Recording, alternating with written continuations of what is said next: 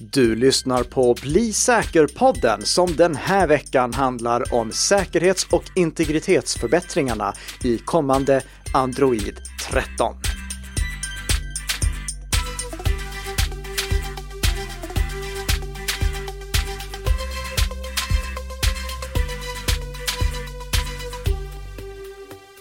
Ja, god morgon, god morgon och välkommen till Bli säker-podden med mig, Karl Emil Nicka.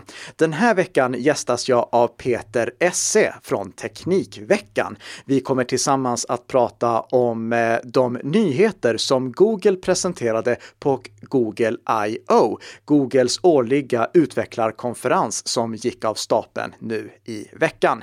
Men innan vi kommer in på det så har vi två stycken riktigt snabba snabbisar som vi måste gå igenom och den första har ni säkert redan listat ut vilken är, för det har ju varit patch-tisdag. Så det här är min månatliga uppdatering eller månatliga påminnelse om att ni bör söka efter uppdateringar i era operativsystem och appar för att se ifall det finns några nya uppdateringar att installera.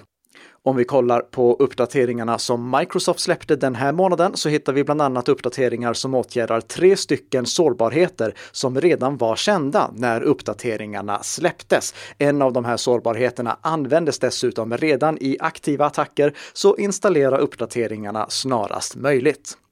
Förra patchtisdagen, då pratade vi också om eh, de förändringar som sker på vilka versioner av Windows 10 som fortsätter att underhållas nu. Då råkade jag bunta ihop alla Windows 10-utgåvor och för att få rätt i protokollet så kommer här en liten uppdatering kring vad som gäller för vilka utgåvor.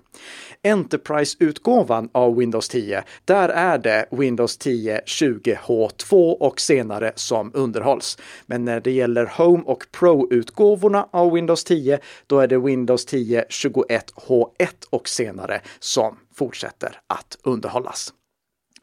Den andra snabbisen som jag vill lyfta den här veckan är en varning från finska cybersäkerhetscentret. De har återigen sett en våg av Flubot-attacker riktade mot finska medborgare. Det är sms som skickas till eh, finska medborgare och i smsen finns länkar som leder mottagaren in på en bedräglig webbplats. Vad som händer på den webbplatsen, det beror på vilket operativsystem som mobiltelefonen kör. Ifall eh, mobiltelefonen kör Android så finns det en eh, liten applikation som är infekterad och som mottagaren uppmanas att installera. Och ifall det är en iPhone som mottagaren har, då försöker bedragarna istället lura in mottagaren i någon typ av abonnemangsfälla. Så eh, i och med att vi ser det här igen i Finland och vi efter förra vågen i Finland såg motsvarande attack i Sverige så vill jag påminna alla om att vara extra skeptiska mot sms sms som ni får de kommande veckorna. Klicka aldrig på länkar som kommer via sms utan gå istället till avsändarens webbplats själv. Och kom ihåg, avsändarnamnet på sms går aldrig att lita på. Då har jag fått besök i studion av Peter Esse, publisher på Teknikveckan och uh, youtuber dessutom. Just det, många engelska ord där. Ja, det är många strängar på sin lyra. Du driver typ hälften av Sveriges Facebookgrupper också. Kanske inte det, men inom teknik så är det väl minst hälften. Ja. ja. Och om eh, ni hittar någon, eh, någon Facebookgrupp som heter någonting med bubblan förutom säkerhetsbubblan. Just det. Då är det troligtvis Esse och eh, hans gäng som står bakom. Mitt crew. Mm. Vi ska alldeles strax hoppa in på eh, vad vi fick för trevliga nyheter från Googles utvecklarkonferens nu i veckan. Men innan vi gör det så såg jag att ni på Teknikveckan faktiskt uppmärksammade ett problem som vi har diskuterat tidigare i podden. Jag tänker på det här med parkeringar och QR-koder. Ja, jag vet inte riktigt. Jag menar ordet naivitet kom ju till en när man blandar in QR-koder i betaltransaktioner. Det vill säga nu så kom det ett nytt eh, förslag, eller branschen, den så kallade branschen som uppenbarligen består av 65% av alla laddare, billaddare alltså, till elbilar. Inte får ladda 12 volts batteriet har man kommit överens om att det ska inte behövas så kallade appar för att dra igång laddningen. Utan det ska vara betalkort.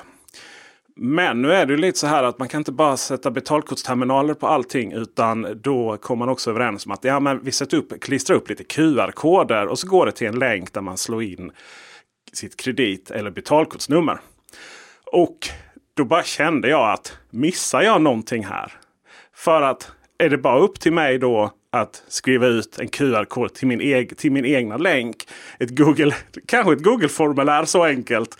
Och så slår de in kreditkortsnumret där istället. Du, du, tänker att du skulle åka runt på sådana här laddplatser runt om i Sverige och klistra upp SS betallösning som ser ut som... Nej, naturligtvis skulle ju, det, uh, skulle ju det inte vara så enkelt. Och dessutom så det finns nog enklare sätt att ta, få tag i folks kreditkortsuppgifter just så att man bara vill ha det lagrat. Mm. Men du kan ju sätta igång din, egen alltså betallösning där.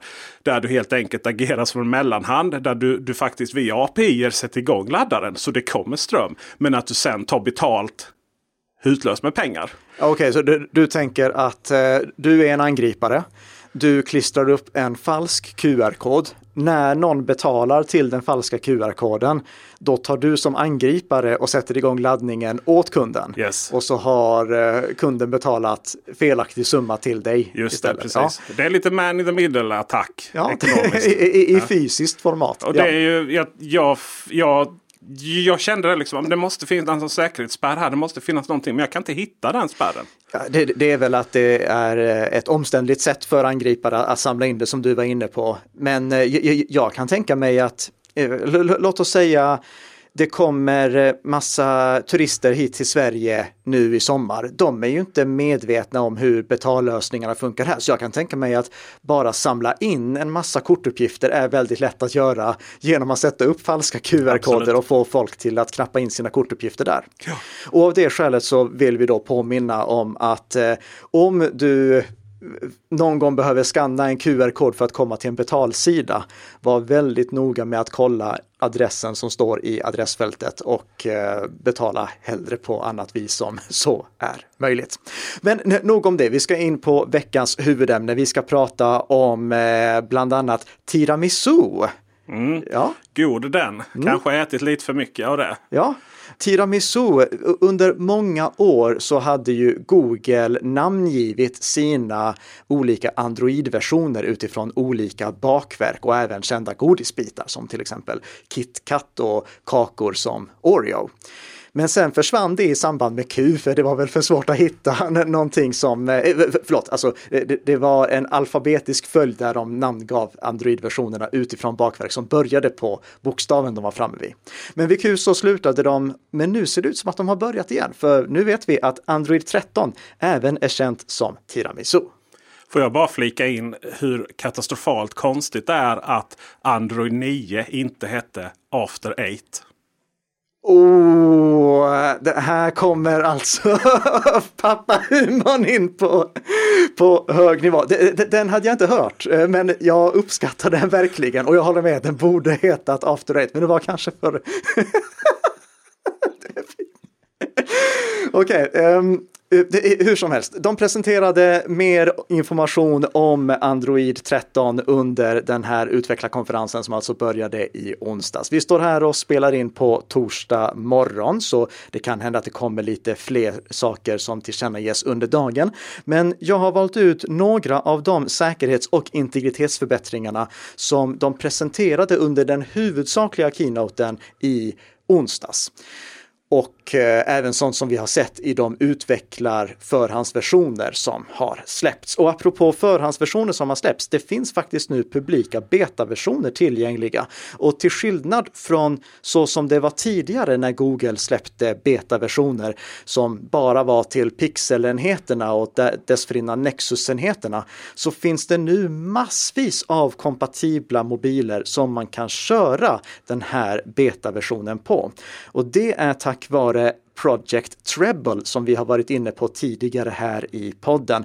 Project Treble, det är Googles projekt för att dela upp Android i olika lager så att de skiljer delarna som är specifika för eh, själva hårdvaran från resten av Android för att ta Android lite mer mot Windows-hållet där det finns ett operativsystem som kan köras på alla enheter oavsett eh, vad enheterna egentligen eh, har för hårdvara. Och det här visar sig nu, det här ger verkligen resultat för den nya betaversionen, den är tillgänglig för alla Treble-kompatibla mobiler som kör Android 9 och senare, eller jag ska säga som körde Android 9 när de lanserades. Det finns en app i Google Play om ni vill kolla om er mobil är kompatibel med Treble eller inte. Inte nödvändigtvis för att köra betaversionen, för det är inte någonting som jag kan rekommendera någon att göra på sin huvudsakliga telefon. Men för att om mobilen är Treble-kompatibel, då är det bättre förutsättningar för att den mobilen faktiskt ska kunna uppgraderas till Android 13 då Android 13 släpps någon gång nu längre fram i höst. Vi har ingen fullständig lista över vilka mobiler som kommer få officiellt stöd, men vi vet att åtminstone på pixelfronten, alltså Googles egna mobiler, så är det Pixel 4 och senare, vilket innebär att min Pixel 3A går ur tiden. Det, det, det, visste jag i, i och för sig, för det, det kom en god nyhet här om veckan. Eh, Pixel 3a skulle egentligen sluta få säkerhetsuppdateringar, alltså inte bara operativsystemsuppdateringar utan säkerhetsuppdateringar nu i maj. Men det är faktiskt förlängt till juli 2022, så det blir lite mer än de utlovade tre åren. Och nya Pixel 6a som presenterades eh, på Google I.O. i onsdags, den får precis som Pixel 6 fem år av säkerhetsuppdateringar. Det är ju bra. Men inte tillräckligt. Jag har lite konstig åsikt i dessa frågor. Eh, jag tycker att eh, säkerhetsuppdateringar garanterade är lite som minimilön. Ja, nu har vi ju under podden sett, eh, under poddens år sett hur Android-mobiltillverkarna har blivit bättre och bättre och bättre på att faktiskt förse mobilerna med säkerhetsuppdateringar. Men ja, fem år är egentligen inte jättemycket för en, en, en sån produkt som en mobiltelefon. En, en sån produkt som en mobiltelefon idag som faktiskt ska hålla ett bra tag. Ja. För nu, nu räknar vi ju fem år från försäljningsstart, inte från att någon köper mobiltelefonen. Nej, och det har ju också Google håller ju inte på att fula på det här sättet. Men det känns lite som att man alltid vill vara mer än vad, alltså till exempel att marknadsavdelningen vill leverera på mer än vad ingenjörerna vill eller har budget mm. för. Och sen finns det andra mobiltillverkare som man inte ens får reda på. Jag har tjatat på Xiaomi till exempel flera gånger. Hur, mm. hur länge, vad gäller? Ja. Det finns ju inget svar på den frågan egentligen. Och jag tycker att det enda rimliga svaret på hur länge säkerhetsuppdateringar till en mobil ska vara. Det är så länge som telefonen fungerar. Mm. Dit är det en bra bit kvar. En, eh, om, om, vi kollar i branschen överlag så är ju Apple de som är bäst på att förse mobiler med säkerhetsuppdateringar.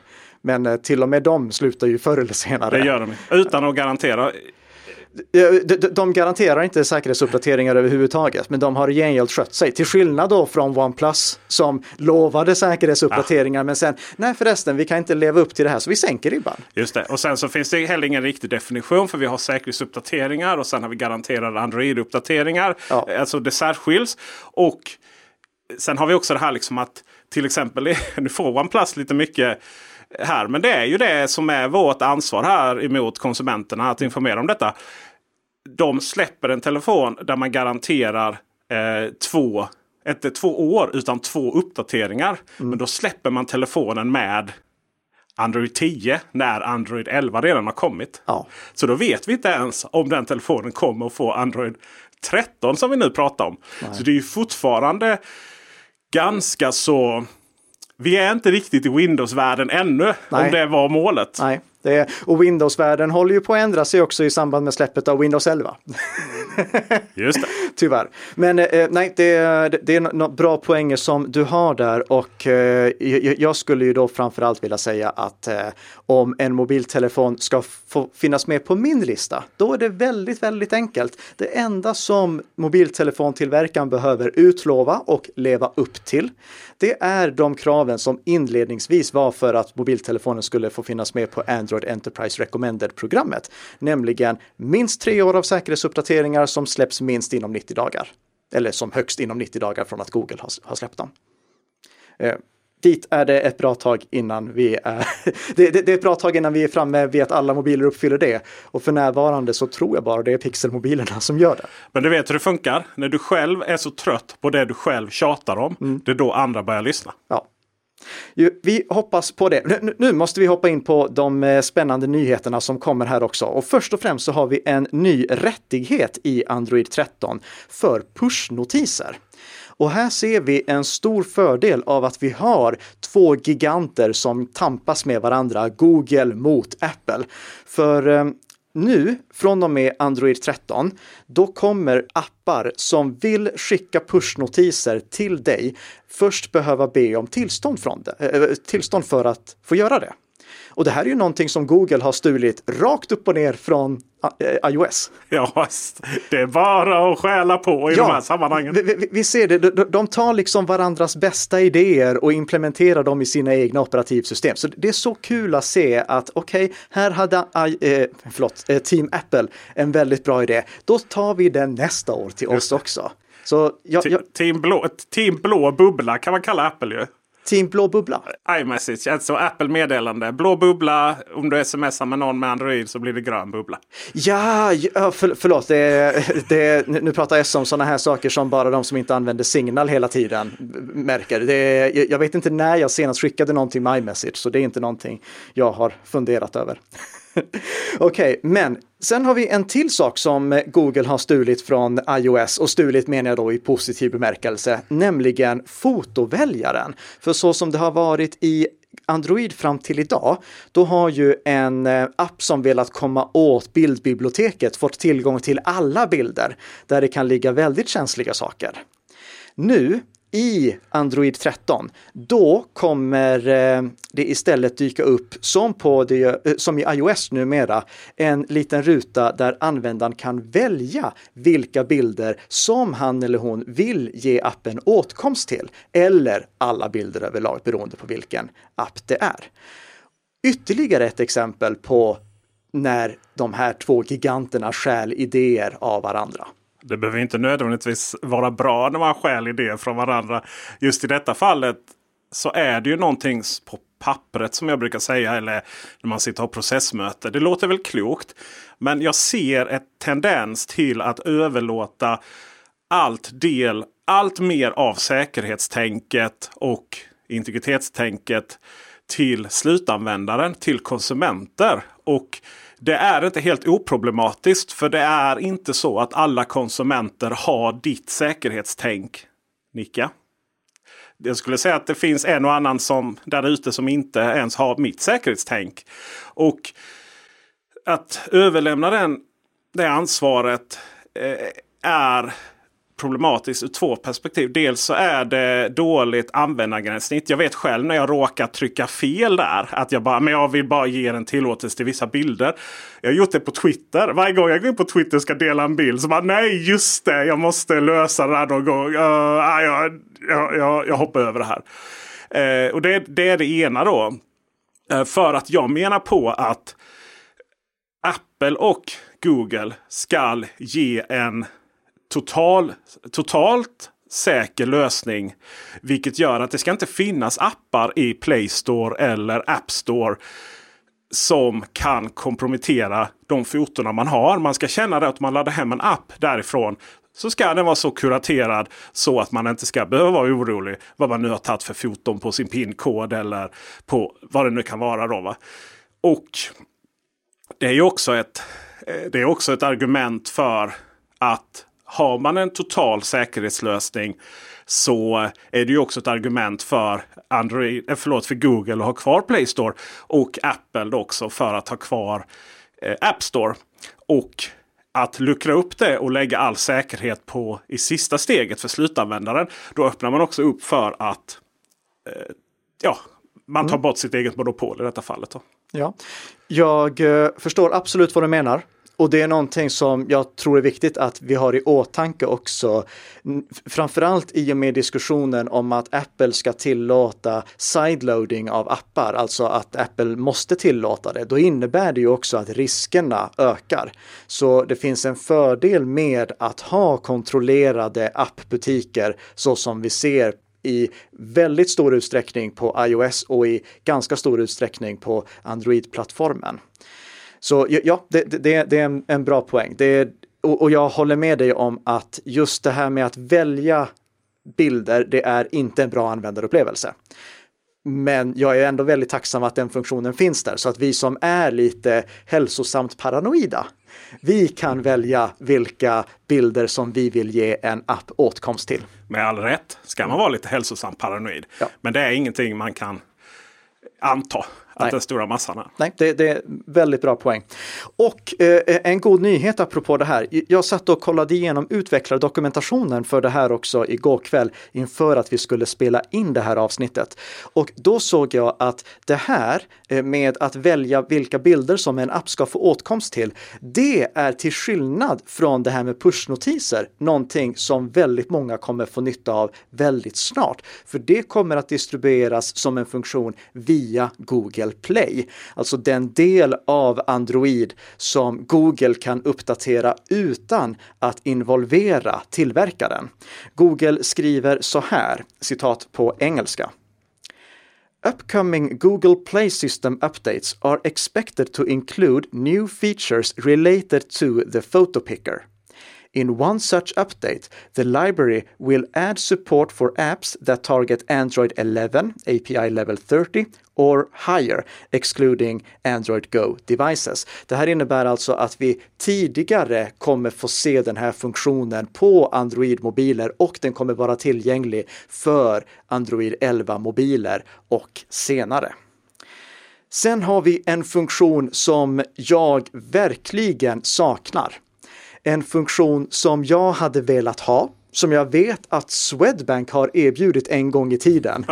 Och nu kommer Google med den. Det är virtuella kortnummer när vi betalar på nätet idag, då behöver vi ju använda till exempel sådana här eh, bank-id-verifieringar för att vi ska eh, se till att det är säkra transaktioner. Det baseras ju på faktumet att vi använder ett betalsystem som förlitar sig på ett statiskt 16-siffrigt nummer plus namn, datum och en tre eller fyrsiffrig kod som står på kortet faktumet att vi använder traditionella betalkort idag 2022 på samma sätt som de uppfanns för för jättemånga år sedan. Det, det är mig en gåta. Men hur som helst, nu har då Google i alla fall tillsammans med Capital One och på sikt också Mastercard, Visa och American Express kommit på att användare som kör Chrome eller Android, de ska kunna generera unika kortnummer för de webbplatser som de vill registrera registrera sig på.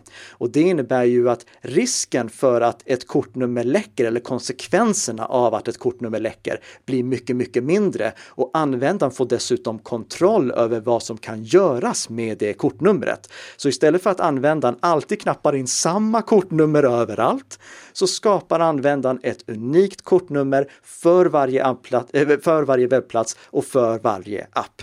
Det här det, det, det, finns redan i USA, det finns en tjänst som heter privacy.com. Men vi har inte det i Sverige från någon av storbankerna mig veterligen. Nej, Swedbank la ner det oktober 2017. Ja. I smyg tror jag. Mm. Det tog väl aldrig fart. Nej. Eh, marknaden var inte redo. Klarna har det faktiskt. Okay. Här, i, här i Sverige. Och sen så Revolut kan vi också använda i, i Sverige naturligtvis. Jag eh, hade faktiskt en sån moment med Revolut. Där jag fick notis om att någon försöker använda ditt kort. Som mm. var ett sånt temporärt nummer. Ja. Och ja, det var ju tokigt. Det hände ju ingenting då. Nej. Eh, så att det är ju det är ju briljant egentligen. Att vi fortfarande har kortbaserad lösning. Eh, dels som du säger, man ser siffrorna, bara ja. det. I en värld som annars är digital mm. från början. Att man ens behöver gå via Mastercard och Visa och ja. American Express. Alltså. Ja, ja, ja. Det, det, här med virtuella kort, det är en väldigt simpel lösning som är retrofitted. Vad heter retrofitted på svenska? Det finns nog ingen översättning, men det är liksom, den är anpassad för att den ska fungera med befintliga betallösningar. På sikt så kan vi ju egentligen skippa allting som har med kort att göra och inte bara generera ett unikt ID för varje webbplats vi registrerar oss på, utan skicka ett unikt ID för varje transaktion som vi gör. Alltså, så som Apple Pay är, är uppbyggt. Man kan väl säga att eh, det är ingen direkt översättning, men, men i praktiken handlar det om att skohorna in någonting i alldeles för gamla skor. Ja, Precis, det är väldigt snyggt formulerat. Sen så har vi massvis av nyheter på autentiseringsfronten och vi kommer att ha ett helt eget avsnitt om det här med anledning av att Google tillsammans med Apple och Microsoft nu satsar på Passkey. Jag lägger en länk till ett tidigare Passkey avsnitt som vi har gjort, men vi kommer in med mer information om det inom kort också i och med att nu verkar alla jättar vara med på bollen. Det som jag skulle vilja nämna redan nu, det är att eh, Google, de jobbar väldigt hårt för att få till tvåfaktorsautentisering överallt. De meddelade under keynoten i onsdags att bara under 2021 så aktiverade de tvåfaktorsautentisering för 150 miljoner användare automatiskt. Och det här är någonting som de kommer fortsätta göra någonting som också behövs. För det är en till sån här lösning. vi, eh, lösenord, det ska vi ju egentligen inte ha nu och enda anledningen till att vi behöver ha tvåfaktorsautentisering, det är för att lösenord är så svaga i sig. Ja, alltså lösenord är ju det är ju någonting som inte får vara samma någonstans. Eh, de får inte vara för lätta och du får inte skriva upp dem. Och lösenordshanterare existerar inte det existerar för några av oss individer mm. som har ett förhöjt intresse. Men den stora massan, alltså inom citationstecken konsumenterna, ja. har inte lösenordshanterare. Nej. Och, och, här vill jag då bara flika in att i min mening så är det bättre att man skriver ner lösenorden än att man använder samma överallt. Risken att någon snor din anteckning där du har lösenordet nedskrivet är åtminstone mycket mindre än att någon hittar ett återanvänt lösenord i någon lösenordsläcka och sen kan logga in som dig överallt. Det är klokt. Jag vill också lägga till en sak till. Det är också att Google måste delvis få ordning lite på sin tvåstegsverifiering. För det känns inte som att det är samma process en endaste gång när jag loggar Nej. in. Ena stunden så är det sms. Nästa stund är det eh, app. Tredje, tredje är det Youtube-appen. Jag ska starta och sen någon annan gång är det, är det Google, Google-appen. Jättekonstigt. Och mm. någon gång ska jag ange en siffra. Någon gång ska jag bara säga ja sådär. Det är väldigt rörigt. Det håller jag med om. Vilket i min mening är hämmande för viljan att använda det. Någonting som jag för övrigt kommer anordna en föreläsning om på SIG Security nästa vecka. Så för er som ah, är med i SIG Security och vill höra mig gnälla om precis det som Peter Esse sa nu, ni kan lyssna på den föreläsningen på tisdag nästa vecka. Och jag lägger med en länk till det i våra show notes också, men det är bara öppet för medlemmar i SIG Security. Slutligen, Google ger oss lite bättre kontroll över hur annonserna anpassas för oss när vi söker efter saker, vilka annonser som visas. I en eh, lösning som kallas My Ad Center kommer Google ge användaren bättre kontroll över vilka annonser som visas i sökresultatet på Youtube och i andra Google-tjänster. Där kommer användaren ha möjlighet att anpassa vad det är användaren vill se mer av respektive se mindre av. Redan idag kan ni faktiskt logga in eh, och kolla i era annonsinställningar för ert Google-konto. Det här är någonting som jag pratade med Ny Teknik om i ett avsnitt av Amaras lag. Jag lägger med en länk till det avsnittet också om ni vill veta mer om det. Men där kan eh, ni redan nu se vad det är Google visar för annonser för er, vad Google tror att ni är intresserade av. Men nu kommer vi då inom kort att eh, få möjlighet att anpassa det här. Åtminstone i USA, och det kan jag väl passa på att nämna här också gällande eh, det här med eh, virtuella kort. Vi vet inte när det kommer till Sverige. Som så ofta i Google-sammanhang. Mm. Jag tycker att eh, det är mycket bra att ha där tycker jag det är jättebra att lägga eh, saker på slutkonsumenterna. Att kunna hantera sin egen sin egen reklam höll jag på att säga. Men, men eh, hantera liksom intresse, vad är det man ser och så vidare. Mm. Jag vet inte hur många gånger när, man, när, man, när vi hade på Teknikveckan.se hade Google-reklam och sen så är det någon som bara, ja ah, men varför ser jag liksom kontaktannonstjänster eller artrosreklam var en sån här grej. Och då är det som alltid annat så kommer någon annan då. Bara, ja men det baseras ju på ditt intresse. liksom. Mm. Ja riktigt så är det ju inte. För att, för att det baseras ju kanske på att det inte finns något intresse överhuvudtaget. Och det är då de här spamliknande reklamen, de som inte är target, targetade Ja. Svengelska där va? Riktade. Riktade. Tack så mycket. Tack så mycket. Eh, det är då det dyker upp. Liksom. Mm. Så det är inte nödvändigtvis så att man har jättestort intresse för dating med afrikanska kvinnor. Liksom, som var en sån här klassisk frukta. Alltid så här, afrikanska kvinnor, asiatiska kvinnor och sådär. Eh, att Google ens använder det. Så det. det. tycker jag är en bra grej. Och jag, jag tror att det också skapat väldigt mycket bättre förtroende för eh, annonsmarknaden som helhet, internet som helhet. Och man faktiskt kan se varför man får vissa saker. Mm.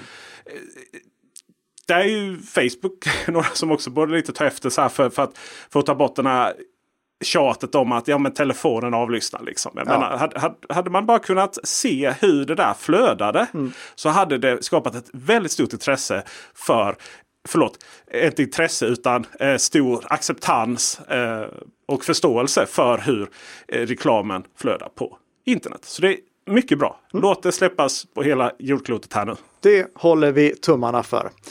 Vi kommer säkerligen att återkomma till flera av de här ämnena när Android 13 är släppt och det vill ni självfallet inte missa. Så passa på att prenumerera på Bli säker-podden. Lämna jättegärna en recension så blir vi också väldigt glada. Jag blev personligen väldigt glad över att du Peter Esse kom hit idag och Tack. poddade med mig. Så jag tackar dig också för att du har varit här. Och så önskar jag såklart alla våra kära lyssnare en riktigt trevlig helg.